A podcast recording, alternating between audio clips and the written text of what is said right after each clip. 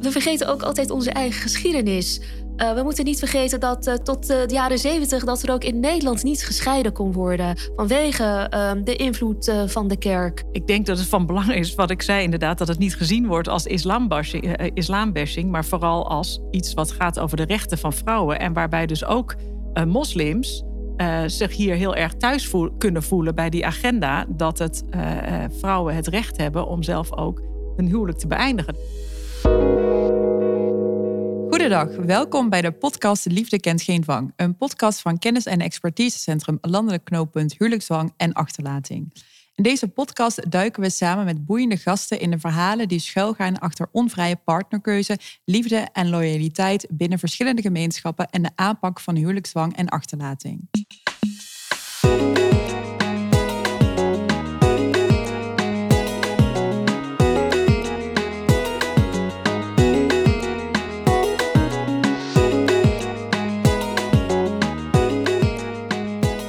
Vandaag hebben we het over politieke lobby en de wet tegengaan huwelijkse gevangenschap.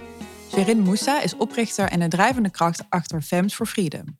Een organisatie die zich inzet voor het zelfbeschikkingsrecht en de algehele emancipatie van meisjes en vrouwen met een biculturele achtergrond. De organisatie is meer dan negen jaar actief en bewerkt stellig emancipatie op juridisch, maatschappelijk, cultureel en politiek vlak. Ook bij ons te gast vandaag is Katelijne Buitenweg. Dit jaar nam zij na vier jaar afscheid als Tweede Kamerlid van GroenLinks. Tussen 2004 en 2009 was ze delegatieleider van een transnationale delegatie van GroenLinks en Groen in het Europees Parlement. En daarna was ze lid van het College van de Rechten van de Mens. Welkom, dames, bij ons. Dankjewel. En vandaag uh, natuurlijk ook bij ons vaste tafeldame en manager van het landelijk knooppunt Huwelijksdwang en Achterlating, Dini Vlierman. Hallo. um, inmiddels ligt daar door de Tweede Kamer een goedgekeurde wet bij de Eerste Kamer. Die wet moet het voor vrouwen makkelijker maken om uh, een religieus huwelijk te ontbinden. Daar ging een jarenlange strijd aan vooraf. Door Femmes for Freedom vooral buiten de Kamer en door Katelijne Buitenweg van GroenLinks uh, binnen de Kamer.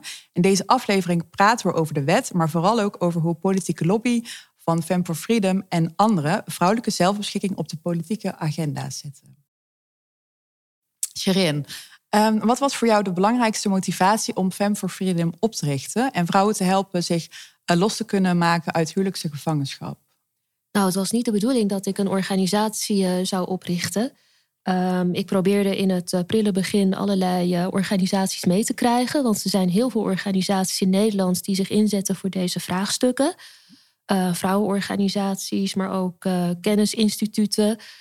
En uh, ja, ik had een uh, soort plan van aanpak geschreven, een mooie portfolio gemaakt van wat is het probleem, om hoeveel mensen gaat het en wat zouden de oplossingen kunnen zijn. Um, onderbouwd met allerlei uh, wetenschappelijke artikelen. Um, dus ik trok het land in en ja, iedereen vond het heel belangrijk en een goed geschreven stuk.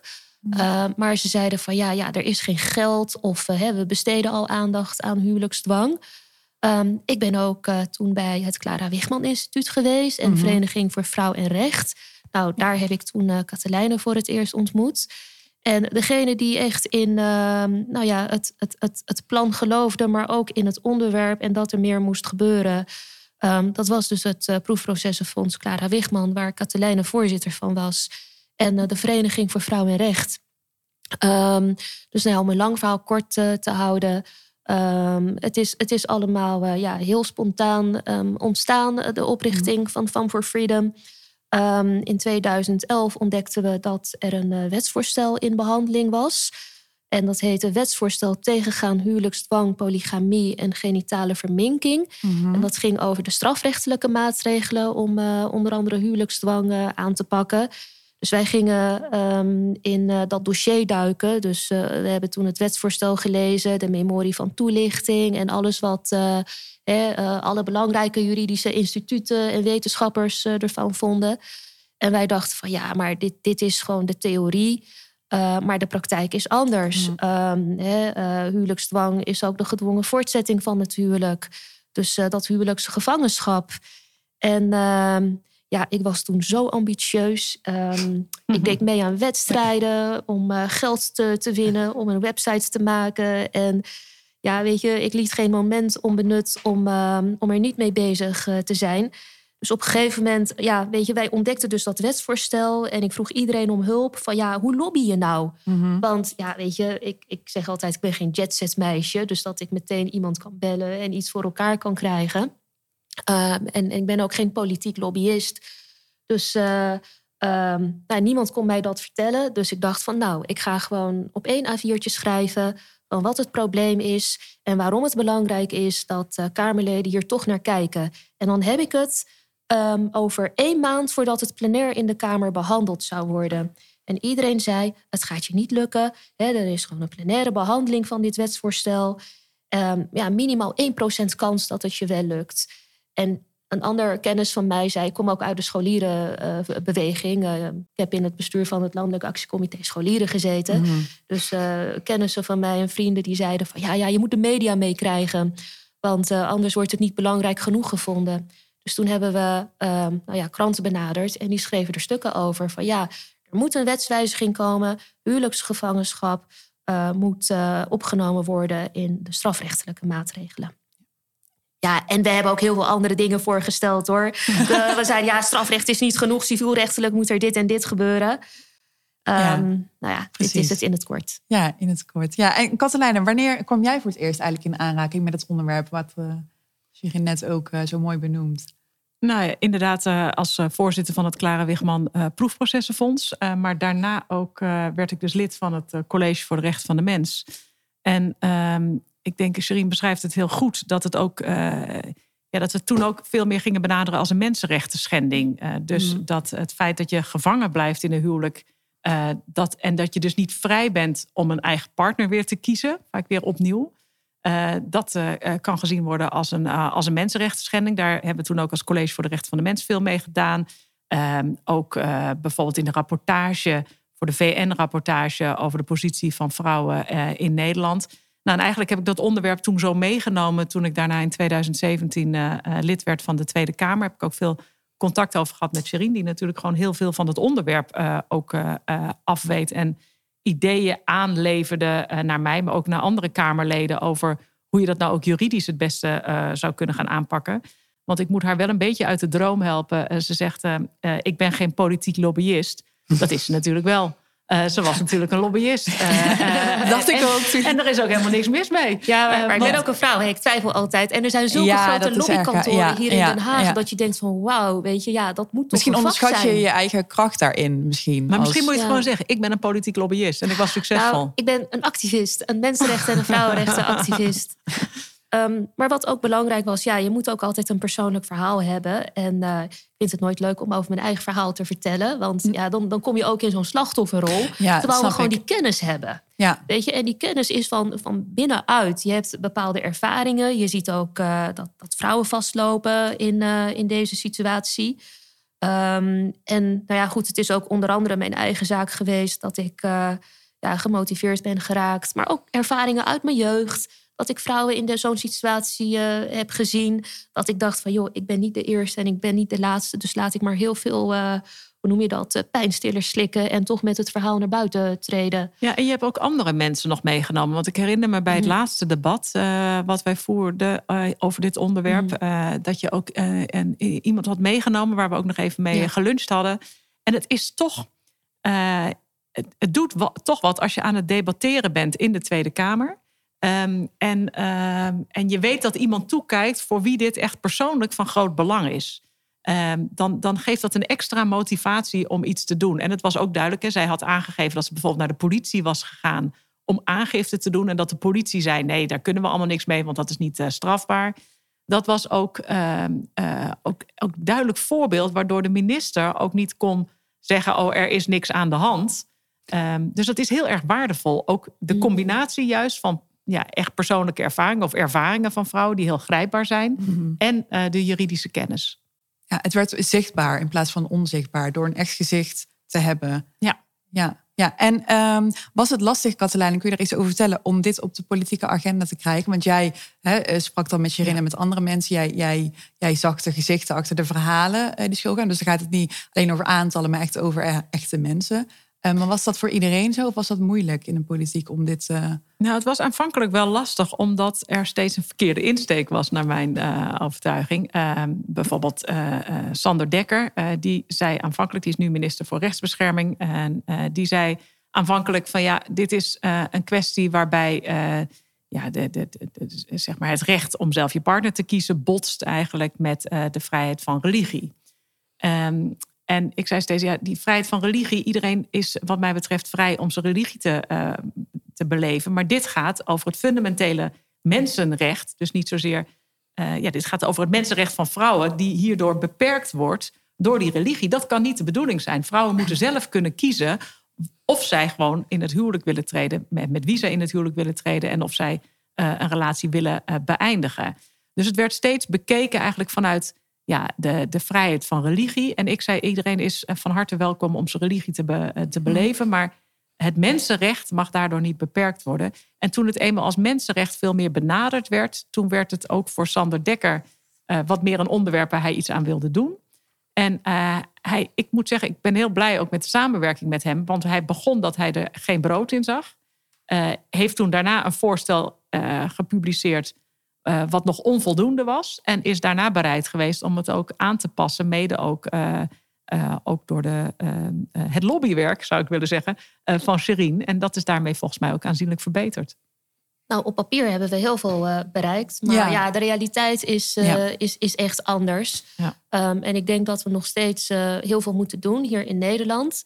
Uh, we zijn nu ook bezig met een proefproces van uh, een vrouw die ooit trouwde met een man in Pakistan. Die man heeft inmiddels een tweede vrouw getrouwd. Volgens de Nederlandse wet mag dat niet, volgens de Pakistanse wet ook niet. En uh, inmiddels is hij geëmigreerd naar Australië. Ja, welke rechter is ja. bevoegd? En hoe kan je um, he, iemand die daar woont meekrijgen om, om dat huwelijk te ontbinden? Ja. Maar het gaat hier ook niet alleen over, weet je, het, enerzijds is het, zijn er religieuze aspecten. Uh, maar het gaat ook over geldige burgerlijke huwelijken die in andere landen zijn gesloten. Dus er is nog heel veel te doen. Onze overheid moet in uh, gesprek met andere overheden, met allerlei juridische instituten.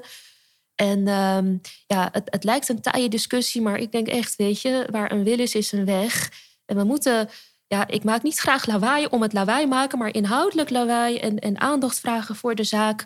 Want we zijn er nog lang niet. ik denk dat, dat we echt um, nou ja, aan het prille begin staan. Omdat deze mensenrechten-discussie. Kijk, we hebben de mooiste mensenrechtenverdragen. Uh, wij hebben ook steeds uh, tegen Kamerleden gezegd. En, uh, en ook in gesprekken met Sander Dekker. Van al die mensenrechtenverdragen zeggen dat je onrecht op grond van geweld tegen vrouwen. geïnspireerd op religie en cultuur moet aanpakken. Um, ja, en we hebben mensenrechten.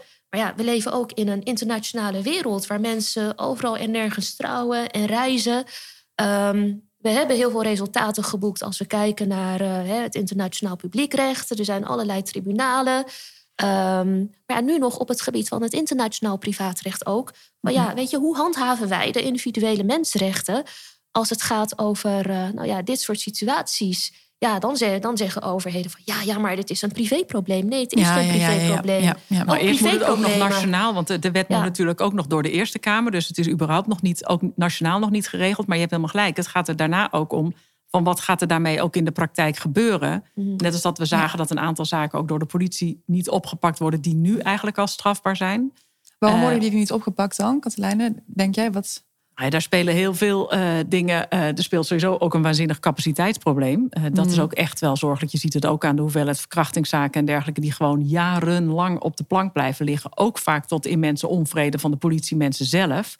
Maar dit zijn ook soms wel zaken waarbij de politie denkt dat zij geen taak heeft. En dat is mm. ook echt een misvatting. Um, ja. ja. want bij wie hoort die verantwoordelijkheid? Is dat dan de gedachte van de politie? Nou, dat soms dat zij denken van ja, dit is niet echt een misdaad of een misdrijf waardoor de aangifte gedaan kan worden. Terwijl dat wel degelijk uh, het geval is. Um, dus daar, ja, daar moet ook gewoon veel meer duidelijkheid over komen naar de politie. Um, ook voor hulpverleners. Um, maar daarnaast moet ook, uh, de, uh, de, ja, is belangrijk dat er meer capaciteit is voor de politie.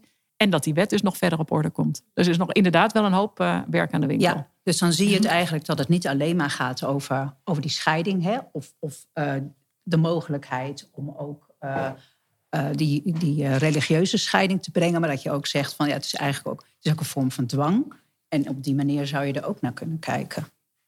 Ja, zeker. dus het mentaliteitsproef of het beeld ervan is, moet echt veranderen. Dat is dus geregeld in, uh, de wet, uh, in, in, in wet tegengaan huwelijksdwang, polygamie en genitale verminking. Ja. 2015 hè, is die pas van kracht. Het, het, het, werd, uh, even kijken hoor, in 2012 werd het door de Tweede Kamer behandeld. En het is in, op 1 juli 2013 toen in werking getreden. En wij zeggen ook, ja, dit is, dit is een vorm van dwang. En wat zegt de politie dan? Ja, maar wij zien nu niet dat er geweld wordt gebruikt. Want die vrouw is weg bij haar partner. Nou, en als er ook nog, als, uh, uh, ook nog eens alleen een religieus huwelijk is, ja, dan, dan heeft de imam uh, de wet overtreden.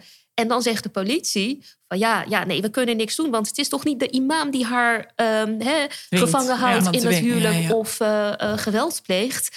En dan zie je ook dat, dat, dat die bepaling eigenlijk ook niet werkt in de praktijk. Want uh, de imam die zou dan uh, gestraft moeten worden met een uh, geldboete. En als je het vaker heeft gedaan, ook nog eens een gevangenisstraf. Um, dus wat ja. wij in de praktijk zien, ja, dat melden we dan aan Kamerleden. En ehm, ja, dan zijn Kamerleden ja, die dat oppakken en, en meedenken van hoe dit het beste kan worden aangepakt. Ja, maar dwang kan natuurlijk ook heel subtiel zijn. Dus ik kan me voorstellen dat bijvoorbeeld een imam dat misschien niet eens weet of dat hij dat niet doorheeft, maar dat het heel. Nou, want moet het heel zwart-wit zijn? nee, kijk, het lijkt me grijs gebied namelijk. Ik, ik weet wel dat, dat imams um, ook heel graag um, dit willen tegengaan. Hè? Dus die, mm -hmm. die imams die bij, in, in, in een bepaalde zaak uh, betrokken waren, van, van een vrouw die ook Katelijne heeft ontmoet, um, die hebben toen het meisje naar mij doorgestuurd. Oh ja. ja. Um, en zij zat daar met haar ouders en broer hè, bij ons op uh, kantoor. Ja. Dus de imams die hadden er echt alles aan gedaan om haar te helpen. Zelfs de groot ayatollah uh, ergens ingeschakeld. Uh, maar ja, de man die dreigde met het hè, in um, brand steken van de moskee en de huis van de imam. Dus wat deed die imam? Die ging alle stukken die hij geregeld had, ehm, die ging hij allemaal nietig verklaren. Dus haar echtscheidingspapieren uit angst voor die man. Um, en kan de politie dan ook niks in zo'n zaak? Want het zijn toch wel serieuze bedreigingen, wat, die, wat nou, die man dan. Zeker. Ja. Um, de politie heeft toen ook met de jongen gesproken. Ondertussen had die dame ook een uh, civielrechtelijke zaak tegen haar uh, toenmalige man uh, um, aangespannen. Die had zij gewonnen en nog steeds weigerde hij totdat de politie met hem ging praten van hé, hey, beste vriend, weet je, het moet een keer ophouden, want anders gaan we er een zaak van maken. En, en dat heeft hem ertoe uh, bewogen om uh, nou ja, een einde te maken aan uh, dat huwelijk. Ja, maar daar is heel veel aan vooraf moeten gaan voordat ja. dat. ja. Dat gebeurt sowieso ook in heel veel andere relaties. Ook. Stalking is echt ook gewoon een heel groot serieus probleem voor veel vrouwen in Nederland. Wat heel lang, ja, waar de politie ja, vaak weinig aan doet. En mensen. Ik had laatst een zaak van een mevrouw die was naar de politie gegaan omdat haar deur was ingetrapt. En toen was de politie aan het twijfelen. Die zei, ja, het intrappen van een deur is niet per se een bedreigende daad. Want ik dacht, oké, okay, ik wist niet dat je daar echt verschillend over kon denken. Heel ja, dus dat betekent dat die, dat die context ook heel erg belangrijk is. En eh, is dat jullie idee dan ook dat de wet zoals die nu is... dat die nog veel scherper moet worden aangepast? De wet uh, voor nou ja, die, die, nu, nu ja, zeg maar, die nu voor ligt bij de Eerste Kamer die moet volgens mij niet scherper eh, worden aangepast. Het komt er nu volgens mij op neer dat het uh, wordt toegepast. Dus mm. eerst moet die worden aangenomen en daarna moet er vooral heel erg veel worden geïnvesteerd. Uh, ja, dus wet en praktijk, dat zit een verschil En dat het ook echt bekend is. Weet je, je hebt een wet is gewoon iets op papier en daarna mm. moet het bekend worden, zowel bij uh, de handhavers en bij ook de vrouwen en de partners over ja, dat als iemand uit een huwelijk wil, dat dat ook moet kunnen en dat je anders iemand een onrechtmatige daad aandoet. Ja. ja. En uh, ja, kijk, er zijn ook heel veel beloftes gedaan. Hè, van uh, wij gaan politie en justitie trainen in 2012. Ja, ik woon al die debatten bij en ik kan echt dromen wat er allemaal is toegezegd. In 2012, in 2014. Um, he, ook het VN-Vrouwenrechtencomité heeft uh, tegen de Nederlandse regering gezegd: je moet, het, uh, uh, je moet politie en justitie trainen en ook rechters om meer Um, nou ja, meer, meer, meer, uh, meer te begrijpen van wat huwelijksgevangenschap is en welke juridische mogelijkheden er zijn.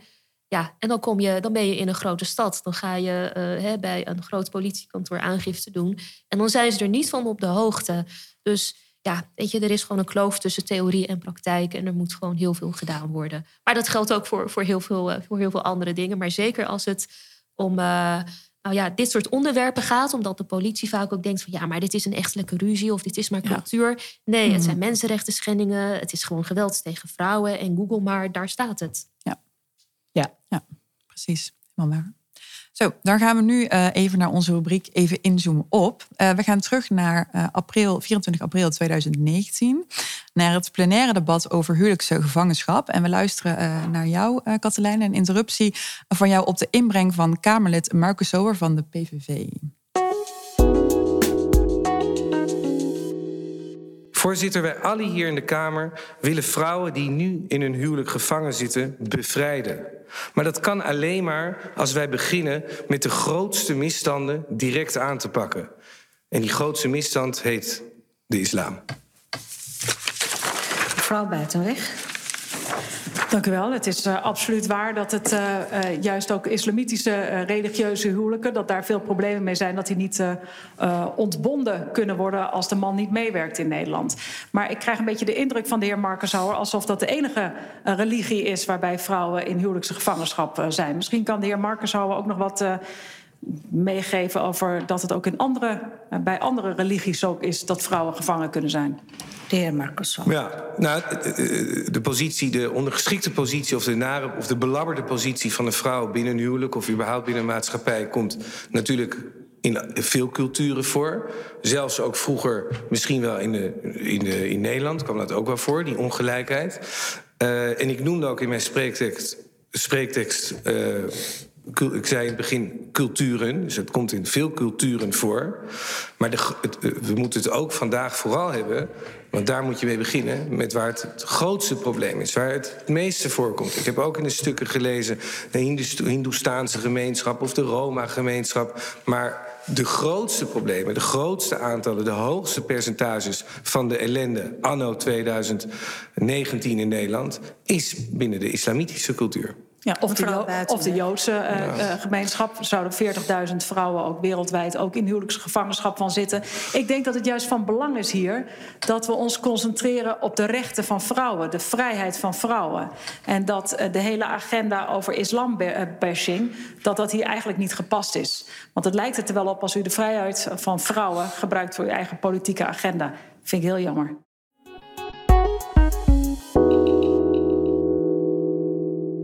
Katelijne, waarom vond jij het belangrijk om uh, dat te benoemen, dat het breder speelt dan alleen in de moslimgemeenschappen? Uh, omdat ik, uh, ik denk dat het van belang is, wat ik zei inderdaad, dat het niet gezien wordt als islambashing, islambashing maar vooral als iets wat gaat over de rechten van vrouwen. En waarbij dus ook moslims zich hier heel erg thuis voel, kunnen voelen bij die agenda, dat het, vrouwen het recht hebben om zelf ook een huwelijk te beëindigen. Dus ik wil niet tegenover mensen staan die ook een, uh, een religieus huwelijk uh, aangaan. Ik wil dat ook zij met hun, uh, dat we het erover eens zijn dat dat huwelijk aangegaan kan worden en ook beëindigd mag worden. Dus het ging me er vooral om, ehm, ja, om te zorgen dat het echt over die rechten van vrouwen gaat. En om ja, daarmee de groep van mensen die zich hierachter kunnen scharen ook zo groot mogelijk te maken. Ja, precies. Um, ik kan me voorstellen, uh, dat jij ook uh, als Kamerlid vaak mailtjes, appjes krijgt en telefoontjes van organisaties die onderwerpen bij jou willen uh, agenderen. Um, hoe ging jij als Kamerlid met die lobby om? En wat was jouw benadering om met organisaties als Fem for Freedom op te trekken? Oeh, ja, je krijgt inderdaad heel veel mails en, en, en, en telefoontjes en mensen willen je graag ontmoeten. En um, ja, het moet ook een beetje uh, kunnen als er een onderwerp zich voordoet waarvan je uh, zelf ook voelt van nou hier wil ik echt iets aan doen, dan ontstaat er natuurlijk ook een gezamenlijk belang. Want het is niet alleen zo dat Van for Freedom ook naar ons kwam. Wij kwamen ook vaak uh, naar Van for Freedom om ja, toch wat meer kennis op te halen. Dus wat dat betreft ontstond er een gemeenschappelijk belang. Um, we hebben ook gewerkt ook met de Universiteit van Maastricht. Dus zo zoek je verschillende mensen die zoeken jou, maar jij zoekt hun ook. Uh, omdat je, uh, nou, de ene heeft meer kennis en de ander kan op dat moment het politiek ook uh, inzetten. Dus dan ontstaat er gewoon een, een, ja, een dynamiek. Ja, mooi. Um, en als je kijkt naar hoe dit soort onderwerpen um, als huwelijksgevangenschap, maar ook achterlating en andere vormen van eergerelateerd geweld op de politieke agenda komen. Heb jij dan ehm, een soort van tips voor die maatschappelijke organisaties hoe ze hier effectiever voor zouden kunnen strijden? Als het gaat ook om de politieke lobby vooral. Misschien ook een vraag voor jou, uh, Sherin. Nou, wat ik altijd zo moeilijk vind hè, met het agenderen van nou ja, je geweld tegen vrouwen in deze gemeenschappen, want dat is het. Het zijn mm mensenrechten schendingen. Dus wij zitten echt puur op de inhoud. En het is geen wedstrijdje van welk geloof is het beste en dat we het geloof willen hervormen. Nee, dit zijn mensenrechten schendingen. Dus vanuit, die in, in, vanuit dat perspectief agenderen wij het. Wat, wat ik altijd heel vervelend vind en, en waar ik echt zeer verdrietig van word, is dat er dan online een wedstrijdje ontstaat van de islambashers en de islamknuffelaars. Hè? Hm. Dan zeggen ze, dan heb je mensen die zeggen van, joh, weet je, ja, dit is nou islam. En dan heb je mensen die weer zeggen van... joh, je hebt een hoofddoek op, je bent niet geloofwaardig. En dan heb je de mensen die, die heel graag de gemeenschap willen knuffelen... die alles ontkennen. En dan denk ik, joh, laten we het gewoon over de inhoud hebben. Over feiten, over recht en onrecht... en de mensenrechten verdragen. Ik denk dat dan uh, de discussie zuiver blijft. Maar het wordt door nou ja, verschillende partijen uh, ja, ja, stakeholders of individuen wordt het gebruikt en misbruikt. Dat mhm. doet zeer. Maar ik denk als je bij de inhoud blijft, dat het uh, dan, uh, dan wel goed is. En ehm, dat je ook probeert, hè, ook met media. Want ja, vroeger uh, wist ik niet dat je ook kon onderhandelen, met je vuist op tafel slaan. dat uh, als er uh, stukken worden gepubliceerd van ja, ik wil geen kamelen, geen henna, getatoeëerde handen en tenten en woestijndingen en boerka's. ja, want dan krijg je dus een beeldvorming die. die dat is stereotypering en daar wil je ook niet aan bijdragen. Ja. Dus ook op dat gebied proberen we dan meer bewustheid te creëren. Nou, en bij media, wat denk ik ook wel hielp in het verleden, was. Ehm, elke keer als er een onderwerp kwam, dan probeerden we het uh, wat breder over de partijen heen te doen. Mm. Dus ik uh, heb bijvoorbeeld wel met CDA uh, eh, een keer een initiatief genomen, ook een keer met VVD. En je ziet dat dan de media dat ook makkelijker oppikt. Hè, als we zeggen van nou, dit is een onderwerp wat we naar voren willen brengen. En als ik dan met Madeleine van Torenburg van het CDA daar ga staan, dan heeft dat toch veel meer impact dan als GroenLinks met PvdA er alleen gaat staan. Weet je, je maakt dan nu duidelijk van nee, dit is echt iets wat partijbreed, althans voor heel breed wordt gevoeld. Um, en uh, ja, nou ja, dat maakt uit voor de media, die pakt het op. En vervolgens mm wordt het dan ook weer meer in het parlement opgepakt, omdat de media het heeft opgepakt. En zo mhm. ontstaan dan ook weer uh, ja, een wisselwerking. Ja, en ik kan me inderdaad ook voorstellen van. Ik las ook nog uh, iets over het advies van de Raad van State. Dat ze met name dat, hè, dat mensenrechtenperspectief en de mogelijkheid om dat af te wegen dat dat wel ten grondslag heeft gelegen aan, zeg maar, aan het succes in ieder geval van deze wet. Omdat de staat begreep dat dat ook nog een discussie is geweest. Hè, van um, scheiding van kerk en staat en hoe ga je daarmee om. En jullie hebben daar natuurlijk door te focussen op, op geweld en op uh, mensenrechten... Uh, denk ik daar een hele goede route in gevonden. En wat ook belangrijk is, hè, um, nou ja, de opposi oppositie en coalitie, dat is bij ons de interne regel. Willen we iets bereiken? Oppositie en coalitie. Mm uh, maar ook. Um, ja, van links tot rechts eigenlijk. Nou, moet je... Ja, de oppositie is links. Ja, en de CDA hè, met, uh, Hopelijk niet met, ja, is een beetje midden, is een middenpartij. Um, maar wat ook belangrijk is, hè, kijk, we vergeten ook altijd onze eigen geschiedenis. Uh, we moeten niet vergeten dat uh, tot 1974, uh, of was het 72, hè? Nou, tot de jaren 70 dat er ook in Nederland niet gescheiden kon worden vanwege um, de invloed van de kerk. Um, en toen heeft de wetgever ervoor gekozen van... joh, we gaan er een einde aan maken, duurzame ontrichting. Dat, uh, dat, uh, dat is nu de regel. In plaats van uh, dat de ander moet verklaren dat hij of zij is vreemd gegaan. Maar ja, dat was toen ook een, ja, hoe noem je dat, strafbaar. Want ja, overspel werd ook vervolgd. Hm. Dus maar dat alles... was ook de enige reden dat je kon scheiden, ja, overspel. ja. ja. ja. Ehm, maar, maar dan had je ook een probleem, want overspel was strafbaar tot de jaren, begin jaren zeventig in Nederland. Dus toen, als, als de wetgever er toen voor um, heeft gekozen om uh, daar een einde aan te maken, ja, waarom nu niet? En weet je, we zijn niet tegen de vrijheid van godsdienst. Je kan prima voor het geloof trouwen. En, en juist voor het geloof trouwen in de kerk. Hè, onze koning en koningin, die trouwden ook in de kerk. Dat vinden we hartstikke leuk. Maar ja, je moet je aan de wet houden. Dus eerst voor de wet, dan voor het geloof. En als je gaat scheiden, um, dan dien je ook mee te werken aan uh, de ontbinding uh, van dat religieuze huwelijk. Of je joods bent of moslim uh, of wat dan ook. Ja, weet je, je bent uit elkaar, dus regel het ook op dat gebied. Ja. Shirin, ehm, welke oproep eh, zouden jullie willen doen, of jullie eigenlijk samen, Shirin en Katelijne, aan het nieuwe kabinet?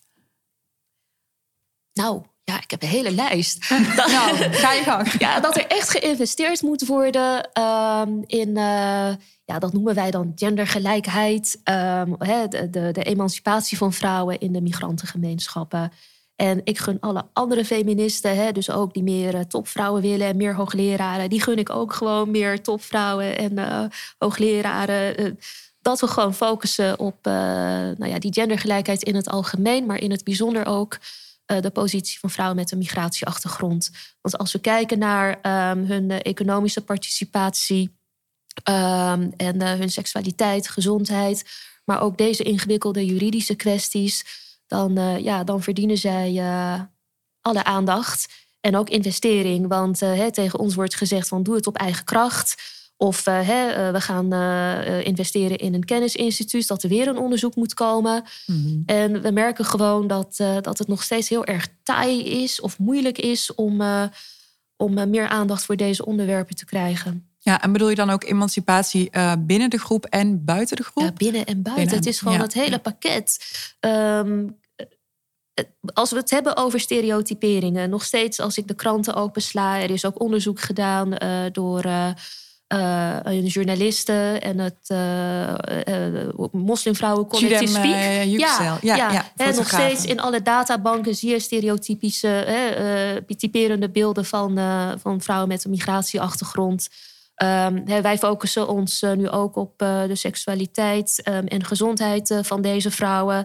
Vrouwen met een migratieachtergrond gaan veel eerder dood, hebben vaker een SOA en ondergaan vaker een, um, een abortus. Kijken we naar de economische zelfstandigheid van deze vrouwen, dan bungelen ze ook het laagst um, op, uh, op uh, de lijst. En het gaat natuurlijk ook hartstikke goed. Uh, hè, dus uh, steeds meer vrouwen die, uh, die zie je vertegenwoordigd in verschillende beroepsgroepen. We zijn vaker beter opgeleid, maar het kan beter. Ja. Dus we staan heel laag op de ladder. En ik hoop dat dat de komende jaren wordt ingehaald. Met de vrouwen zelf en niet door de mannelijke leiders van Precies. de gemeenschap. Die zijn ook wel belangrijk. Uh, maar verandering komt altijd van onderop en van de vrouwen zelf. Ja. Zeker. Nee, ik ben het er uh, enorm mee eens. En ook uh, dat bij de emancipatie uh, dat het goed is om juist een focus te hebben ook op vrouwen met een migratieachtergrond. En niet inderdaad alleen op de topinkomens en, en de gelijke beloningen aan de top. Voor mij is cruciaal dat bij mensenrechten gaat het erom dat mensen dat je zelf het recht hebt om je eigen leven vorm te geven naar je eigen idee, hoe je het zelf wil.